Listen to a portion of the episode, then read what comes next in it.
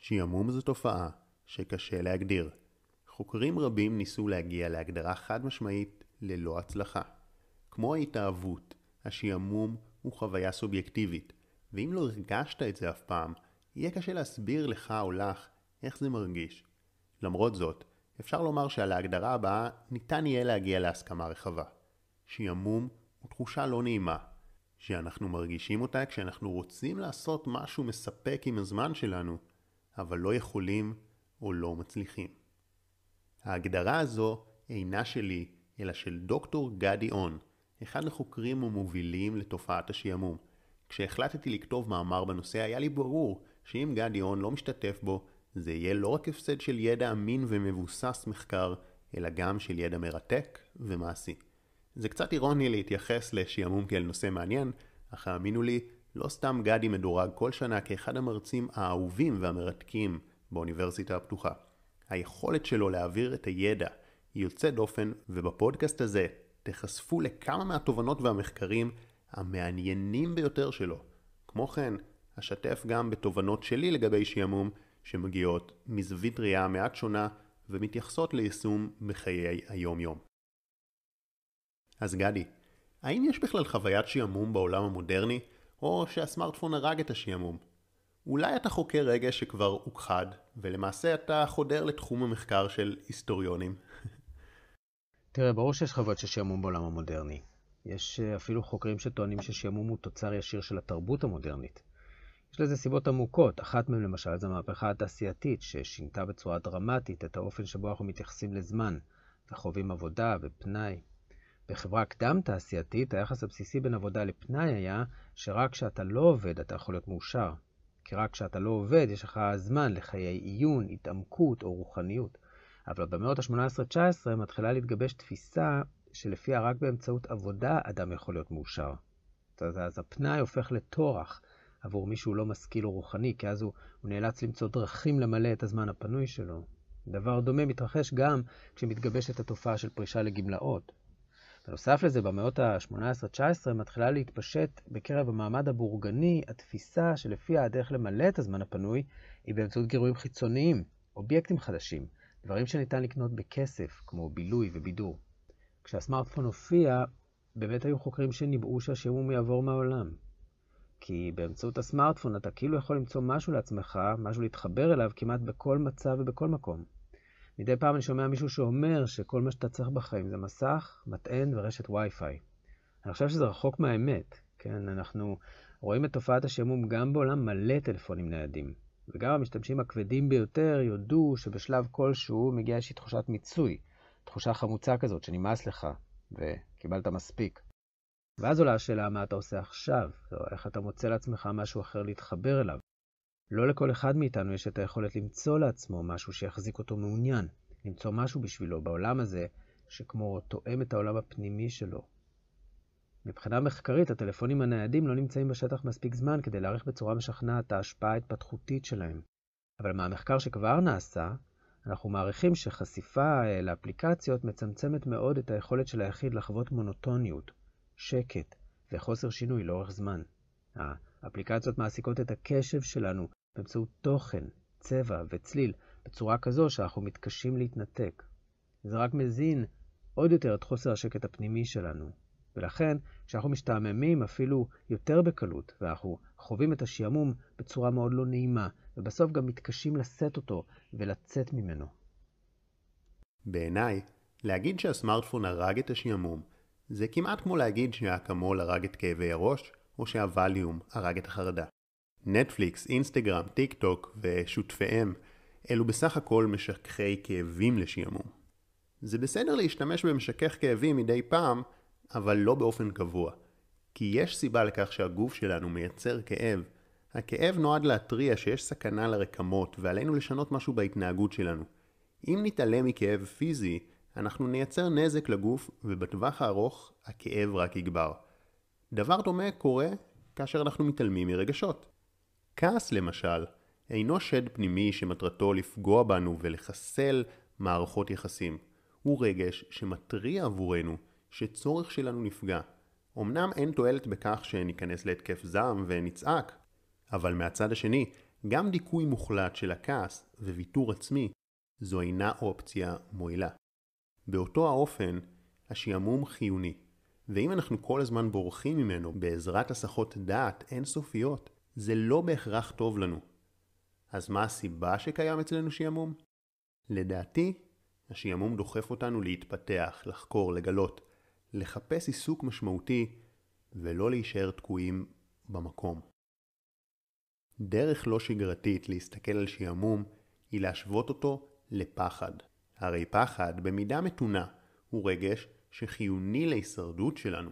אם נראה נחש ארסי, תתעורר אצלנו בהלה, ואנחנו נתרחק. אם מתפשטת מגפה קטלנית, אנחנו נשמור על בידוד ונשנה את אורח החיים. הפחד מניע אותנו לפעולה חיונית. השעמום אולי לא חיוני להישרדות הפיזית, כמו הפחד, אבל כן חיוני להישרדות הנפשית-רוחנית במרכאות. הוא מתריע לנו שאנחנו לא מממשים את חיינו, שאנחנו לא מתפתחים ולא עוסקים במשהו משמעותי. ולכן אם אנחנו בורחים מהשעמום באופן תמידי ומאלחשים את השעמום בעזרת הסחות דעת, זה כאילו שהשתקנו את פעמון האזהרה שמתריע בפני חיים של רקנות. אבל זה שהשתקנו את האזעקה לא אומר שאנחנו מוגנים ואין סכנות. בדיוק להפך. אז גדי, מה אתה אומר? האם לדעתך יש סיבה שהשעמום קיים? האם הוא מועיל במשהו? אין ספק שלרגשות יש תפקיד חשוב בחיי הנפש, זו אף אחד לא מערער על זה. אבל בעיקרון בפסיכולוגיה אנחנו נמנעים מלייחס לרגשות תכלית, כלומר להסביר מדוע יש לנו אותם, לאיזו מטרה. זה נחשב לא מדעי. במקום זה אנחנו מעדיפים להתייחס לתפקיד של הרגשות, או לפונקציה שהן ממלאות. בשנות ה-50 היו כמה חוקרים שטענו שהתפקיד של השעמום הוא להגביר את רמת העוררות הפיזית של היחיד. כן, זאת אומרת לייצר אצלו דחף לערוך אקספלורציה, חקר העצמי וחקר הסביבה, וחיפוש אחר גירויים חדשים. היום אה, מקובל על אה, רוב החוקרים בתחום ששעמום דווקא מחליש את רמת העוררות של היחיד, לא מעלה אותה, ולזה יש ראיות שמגיעות ממחקרי מוח, למשל באמצעות FMRI.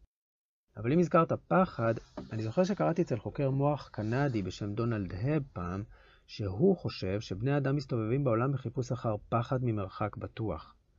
זה ניסוח יותר מעניין ממה שזה נשמע במבט ראשון. פחד ממרחק בטוח. אם אפשר לומר משהו עלינו כבני אדם, זה שאנחנו מכילים בתוכנו סתירות מובנות. מצד אחד, אתה אוהב את ההרגלים שלך, כן? אתה מכיר את עצמך באמצעות ההרגלים שלך. המקום שבו גדלת, השפה שלך, העבודה שלך, האנשים שקרובים לך. מצד שני, אתה כל הזמן רוצה עוד. רוצה יותר, אתה רוצה להתפתח, להכיר דברים חדשים, לחוות את עצמך בדרכים שעוד לא חווית. כל אחד מוצא את המקום שלו במתח הזה שבין המוכר לבין הזר, כן? בין מה שבטוח לבין מה שמסוכן. כמה פחד אתה מוכן לשאת? מה המרחק הבטוח שאתה מוכן לקחת? זה כבר עניין אישי. כן? חיים שיש בהם מידה ראויה של סכנה וחוסר ודאות, הם בדרך כלל חיים פחות משעממים. בהחלט מתחבר לדברים האלה, ואני רוצה לשאול אותך עוד משהו בהקשר של הריקנות. האם יש קשר בין השעמום לבין תחושת ריקנות, לבין דיכאון וחוסר משמעות? למה ויקטור פרנקל והוגים נוספים קישרו בין הדברים? תראה, מבחינה מחקרית, אה, ברור שיש קשר בין דיכאון לבין שעמום. במחקרים רבים, דיכאון קליני מופיע יחד עם תחושה של שעמום, למרות שאלה שני מצבים פסיכולוגיים שונים. ויקטור פרנקל טען ששעמום הוא הביטוי הנפוץ ביותר למצב שהוא קרא לו ריק קיומי. שבו אין לך אף פרויקט שמקנה משמעות לחיים שאתה חי. למעשה, אתה חי כמו אוטומט, בלי תכלית. פרנקל חשב שהפרויקט שיכול להקנות לך משמעות לחיים, הוא פרויקט שצריך להציב לך מטרה שהיא גדולה ממך, וחיצונית לך, ומטרה שהיא עתידית לזמן הנוכחי. למשל, הוא בעצמו רצה להשלים את הספר שכתב היד שלו נלקח ממנו כשהוא הוכנס אה, למחנה ריכוז. הספר לא היה אמור להיות רק הישג אישי שלו, אלא לתרום תרומה חשובה לטובת המין האנושי כולו. כן, הוא כתב את הספר הזה בדמיון, לאורך כל התקופה של השואה, והרצון לסיים אותו סייע לו להתמודד עם הסבל הנורא שהוא חווה. מטרה כזו היא יוצרת מתח חיובי, כי מראה לך את הפער בין מי שאתה עכשיו לבין המקום שבו אתה רוצה להיות בעתיד. המתח הזה מייצר מוטיבציה להמשיך ולהתקיים ולפעול. הוא לא רק מענג או מהנה במובן, אתה יודע, השטחי והפשוט של זה, אלא דורש גם איזשהי מאמץ ואיזושהי מידה של הקרבה. פרנקל שרד את המחנות ובסוף פרסם את הספר שאותו הוא כתב בדמיון שלו, וזה הספר שאנחנו מכירים בתור הרופא והנפש. אם אנחנו ממשיכים באותו הקשר של הבריחה משעמום ושל תחושת הריקנות, אז בסוף החיים בעידן המודרני מביאים איתם שפע של גירויים, החל ממסכים, רשתות חברתיות, חומרים ממכרים ועוד. כמו כן, רובנו נמצאים כל הזמן בעומס של משימות ורצון להספיק יותר ויותר. האם אתה חושב שההתמכרויות לגירויים וגם ההתמכרות לעומס זה סוג של בריחה משעמום? יש כמות מכובדת של מחקר שמראה קשר בין שעמום לבין מגוון של התנהגויות מזיקות, ביניהם גם התמכרות לסמים, למשחקי מחשב, לאכילה. כמו בכל עניין אחר בפסיכולוגיה ובמדע בכלל, להראות שיש קשר, זה כאילו החלק הקל יחסית. מה שיותר קשה זה להסביר למה הקשר הזה הוא קיים. כן, אה, כיוון אפשרי אחד מגיע מהסוציולוג אורין קלאפ, שטוען שהחברה הטכנולוגית היא חברה בעומס יתר של מידע. כמות גדולה מדי של מידע עוברת דרך ההכרה שלנו בפרקי זמן קצרים מדי, קצרים מאוד. עכשיו, קלאפ התייחס לשני סוגים של מידע. מצד אחד מונוטוניות, חזרה על מסר או מידע ספציפי שוב ושוב. אפשר לראות את זה בארכיטקטורה של בנייה שחוזרת על עצמה, בייצור המוני של פרטי לבוש ואופנה, במבנה של מגרשי חניה, תחבורה ציבורית, ואפילו במבנה העבודה שאנשים עושים כדי להתפרנס, שיש בו כמות רבה של חזרתיות. מצד שני, רעש. החברה הטכנולוגית, במיוחד בעיר, היא רועשת בצורה בלתי רגילה. הרעש הוא לא רק שמיעתי, אלא פועל על כל החושים וההכרה. עמודי חשמל וכבלים בכל מקום, מנועי כלי רכב ואוטובוסים, בליל של שלטי חוצות ופרסומים, build-up של סדרות טלוויזיה, ז'רגון מסובך ובלתי מובן של חוזי ביטוח ומסמכים, התפרצויות של אנשים אחד לתוך דברי השני בקבוצות דיון, מה לא. קלאפ טען שעומס היתר הזה של המידע לא מאפשר למשמעות להתפתח. המשמעות לדעתו היא כמו הסוס האיטי, בעוד שהמידע הוא כמו הסוס המהיר. קשה לקחת את כל המידע הזה ולארגן או למיין אותו בצורה שתסתכם למשהו בעל תוכן או מסר ברור. בחברה כזו, אנשים נדרשים למוסדות שייתנו להם משמעות מן המוכן, כן? אה, כאן הוא מונה בין היתר את ההתמכרות לסמים, לסכנה, להימורים, לריגושים. אלה כמו פעילויות חברתיות מבחינתו, שאמורות להעניק משמעות כפיצוי על אובדן המשמעות בחברה. אבל זה ברור שזה לא מהווה פתרון לשורש הבעיה, אלא רק הקלה על הסימפטומים שלה. כן? המוסדות האלה גורמים לכך שאנשים לא יתפרעו ברחובות, ממש כמו שמלחמות גלדיאטורים ברומא העסיקו את האוכלוסייה, בידרו אותה והסיחו את דעתה מהיחס המחפיר של הממשל כלפיה. עכשיו, בימינו מדובר בתעשיית הבידור, התקשורת והספורט, שאמורים לפי קלאפ לנחם אותנו על משהו משובש או חסר. שוב, כמובן שבפועל זה לא באמת עובד. אז אם כך, ממה בעצם אנחנו בורחים? מה נגלה שם, בצד השני של השעמום, אם נאפשר לו פשוט להיות? יש פסיכולוגים שמדברים על כך שאדם מפחד להיות במגע עם עצמו ועם הרגשות שלו, שהוא לא רוצה להגיע למצב של שקט נפשי שבו יצופו הטראומות, אז הוא בורח לעשייה. הרווין יהלום לדוגמה מסביר את זה קצת אחרת. הוא דיבר על התמכרות לעבודה ובריחה מפנאי כמנגנון הגנה שעוזר להימנע מחרדת המוות. האם זה מתחבר לך הדברים האלה? למה בעצם אנשים בורחים מהשעמום? מה כל כך גרוע שם? ארווין ילום שייך לזרם האקזיסטנציאליסטי בפסיכולוגיה, הזרם הקיומי, ולכן זה לא מפתיע שהוא מתייחס לחרדת המוות. במידה מסוימת אני מסכים איתו, אבל הייתי מתאר את זה בצורה אחרת. יש כמה סיבות לכך שאנשים חוששים מהשעמום. קודם כל, אנחנו חיים בתרבות שמקדשת יצרנות ופרודוקטיביות, ולכן השעמום מיד מקוטלג כדבר שלילי. כמו כן, שעמום אצל ילדים ומתבגרים מלווה פעמים רבות בחוסר שקט, תסכול או עצבנות. ברמה המשפחתית זה יכול מאוד להטריד ולפרום את הסדר בבית, כן, או לערער על הסדר בבית. הורים יכולים להרגיש שזאת החובה שלהם לדאוג שלא יהיה משעמם לילדים שלהם, וזה גוזל מהם את שעות הפנאי שלהם, שלהם עצמם. אבל אלה סיבות שעולות על פני השטח, כן? השאלה אם יש משהו פנימי ועמוק יותר שעומד בבסיס של החשש שלנו מפני השעמום, או הרתיעה שלנו ממנו. מבחינה אקזיסטנציאליסטית או קיומית, השעמום הוא כמו מצב תודעתי שמציב בפניך את האמת העירומה לגבי חוסר המשמעות של כל מה שקיים. אתה מבין שכדי לפעול, אתה חייב לחיות תחת האשליה שיש לדברים משמעות. אם אין להם, מה הטעם בכלל להתאמץ, או מה הטעם של כל המאמץ שאתה משקיע. עכשיו, למשמעות יש שני מובנים. הדבר שאתה עושה הוא חשוב, כן? כשאתה מרגיש שיש למשהו משמעות, זה אומר שמה שאתה עושה, הדבר שאותו אתה עושה, הוא בעל חשיבות, הוא חשוב. ובו בזמן אתה בעצמך נהיה חשוב כשאתה עושה את זה. כן? אבל אה, זאת כמובן אשליה. עבור אדם חילוני אין משמעות או תכלית סופית לחיים. הוא פשוט חי את הפרדוקס הזה. האדם הדתי מאמין שיש בורא לעולם אה, ושהוא כאן לתכלית מסוימת.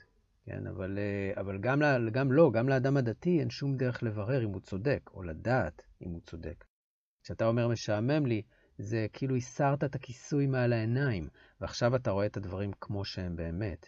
אתה סתם אדם שעומד על כדור של אדמה שנע במהירות בשמיים סביב איזושהי שמש לא חשובה, באיזו גלקסיה לא חשובה, במיקום לחלוטין לא מרכזי של היקום. אתה כאילו, מבחינה קיומית, אתה נטוש פה, אתה זרוק כאן. לא בחרת לבוא לכאן, והנה אתה כאן, כאילו שכחו אותך. קשה מאוד לחיות ככה, ובאמת, יש בהכרה הזאת משהו מאוד מחריד. אוקיי, אז דיברנו הרבה פילוסופיה. בוא נדבר ככה יותר פרקטי, איך להתמודד עם שעמום, איך לתעל אותו ולהשתמש בו. והשאלה הראשונה שעולה היא האם שעמום בהכרח שווה לחוסר מעש? והאם עשייה בהכרח שווה לעניין? האם האסטרטגיה של להיות כל הזמן בעשייה בכלל עוזרת לנו כנגד השעמום? כמו שאני רואה את הדברים, התשובה היא לא. עשייה יכולה להיות מאוד משעממת, ורגע בטלה יכול להיות מענג ומרתק. בעיניי האלמנט המרכזי הוא לא האם אנחנו בעשייה או בבטלה, אלא כמה אנחנו נוכחים בחוויה. אנחנו יכולים לשבת באותו המקום מבלי לזוז, אבל אם אנחנו מודעים לחושים ושמים לב לפרטים חדשים שאנחנו רואים או חשים בגוף, זה עשוי להיות רגע מרתק. באותה המידה, גם התבוננות במחשבות יכולה להיות מרתקת. אני אפילו נוטה להאמין שאם אדם שם לב לחוויית השעמום שלו ומתחיל להתבונן בה מהצד ולחקור אותה, באותו הרגע הוא לא יכול להרגיש שעמום כי הוא נוכח בחוויה ומודע. גדי, האם אתה חווית דברים כאלו בתור חוקר? ובכלל, מה התפיסה שלך על הקשר בין שעמום לבטלה? תראה, כשכתבתי את עבודת המחקר שלי על השעמום, את הדוקטורט שלי, החלטתי לבדוק על עצמי כל מיני ניסויים שעשו חוקרים כדי לשעמם את הנבדקים שלהם. ובגדול אני נוטה להסכים איתך, כי ברגע שאתה מתעניין בשאלה מה משעמם אותך, למה זה משעמם אותך, אתה מפסיק להשתעמם. עכשיו, לגבי בטלה, תראה, בעבר היה נהוג לחשוב שזה חטא מוסרי. המקורות הראשונים שיש לנו לגבי השימוש במונח שעמום מגיעים מתקופת הנזירות, עם עליית הנצרות, כמו במאה הרביעית לספירה. הנזירים היו פורשים למדבר, פה לא רחוק מאיתנו, מדבר סיני בעיקר, והם סיפרו על תחושות של אובדן משמעות וחוסר טעם בעבודת האל שהיו פוקדים אותם בשעות הצהריים. קראו לזה שד הצהריים, כן, noonday demon, ככה קראו לתופעה הזאת. וזה היה גורם להם להתבטל מעבודת הקודש. עכשיו, הבטלה נחשבה לחטא, שאחר כך נכנס לתוך שבעת החטאים של הנצרות, אתה מבין? אם האל ברא את העולם, אז לחשוב שאין טעם בעבודת הקודש זו כפירה ביצירה שלו, חטא מוסרי. כשחלפו מאות שנים, המונח הזה התגלגל אל השעמום כמו שאנחנו מכירים אותו עכשיו, ויש הרבה בלבול בין בטלה לבין שעמום. היום אנחנו מבחינים ביניהם. כן, השעמום, בניגוד לבטלה, הוא חוויה לא נעימה. אז אם אתה נהנה מחוסר מס, אוהב לשכב במיטה עד שעה מאוחרת בשבת בבוקר, בוא נניח שאפשר, או לשוטט במקום שאתה לא מכיר ללא מטרה, זה לא שעמום. השעמום הוא דבר מעיק, והוא יכול בהחלט להופיע מתוך עשייה, לא רק מתוך חוסר עשייה. לכן, להיות כל הזמן בעשייה לא מגן עליך מפני שעמום. הורים מספרים לי לפעמים שהם לא מוצאים זמן להשתעמם כי הם עסוקים כל כך בטיפול בילדים שלהם. מכיר את הסוג של הדיבור הזה? אבל אני לא חושב שהם כולם כנים עד הסוף. אני חושב שגידול ילדים יכול להיות מלאכה מאוד משעממת עבור אדם בוגר. מכיוון שהפעילויות שאתה עושה עם ילד הן בדרך כלל לא פעילויות שמתאימות לאדם בוגר. מכיוון אחר, נהוג לומר שמי שמשתע... שמתעניין הוא לא משתעמם. עם זה אני דווקא נוטה להס... אה, להסכים, כן? עניין או תחושת משמעות, התלהבות, תשוקה למשהו, הם כמו בצד השני של חוויית השעמום, בצד הנגדי שלה. אבל המחקר בפסיכולוגיה מראה שאנחנו, בני האדם, מסוגלים להשתעמם מכל דבר. כל דבר, מה שאומר שגם תשוקה, לאורך זמן, יכולה בסוף לשעמם.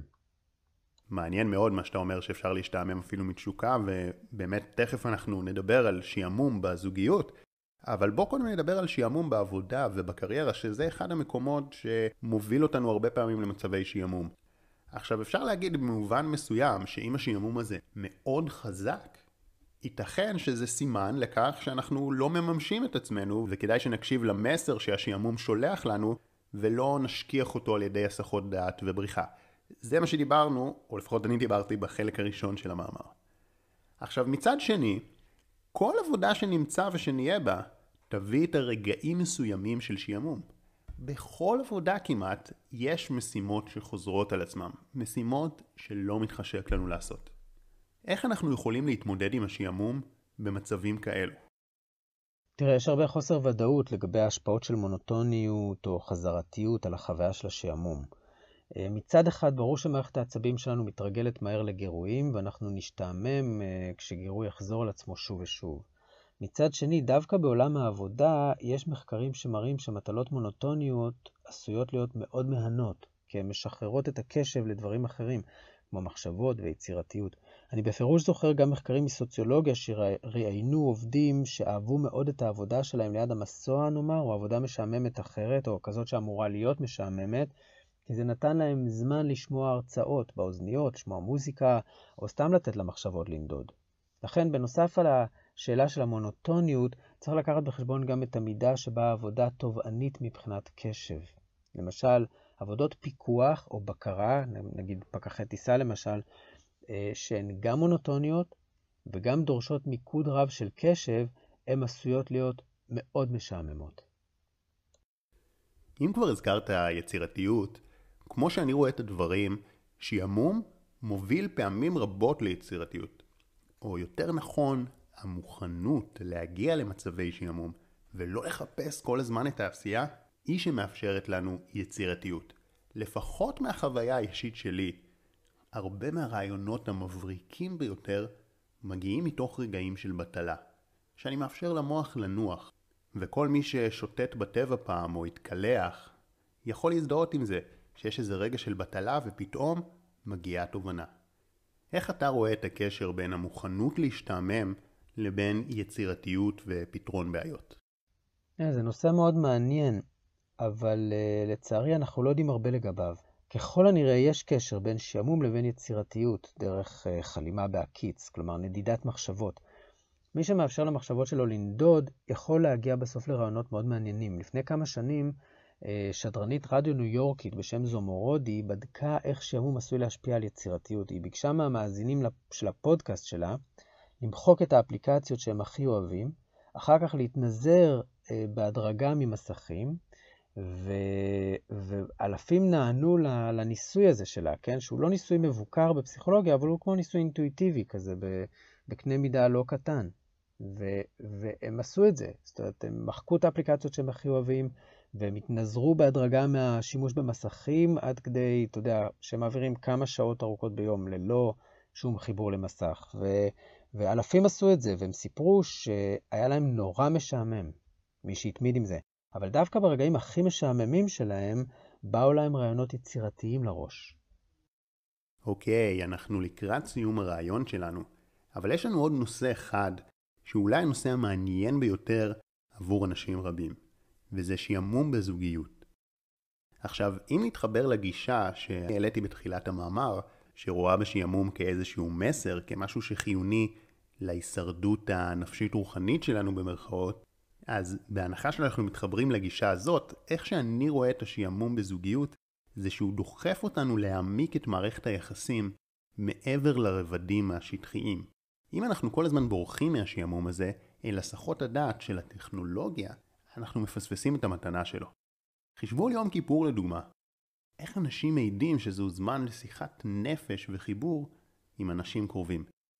מעבר לכך, אם בעקבות הפחד משעמום, אנחנו אף פעם לא מבלים סתם ככה ביחד לגמרי בשקט, בלי טלוויזיה, בלי מוזיקה, בלי אוכל, בלי משחק, אנחנו יכולים להיכנס לתוך מערכת יחסים עם האדם הלא נכון, ולשים לכך לב רק בשלב מאוחר מדי.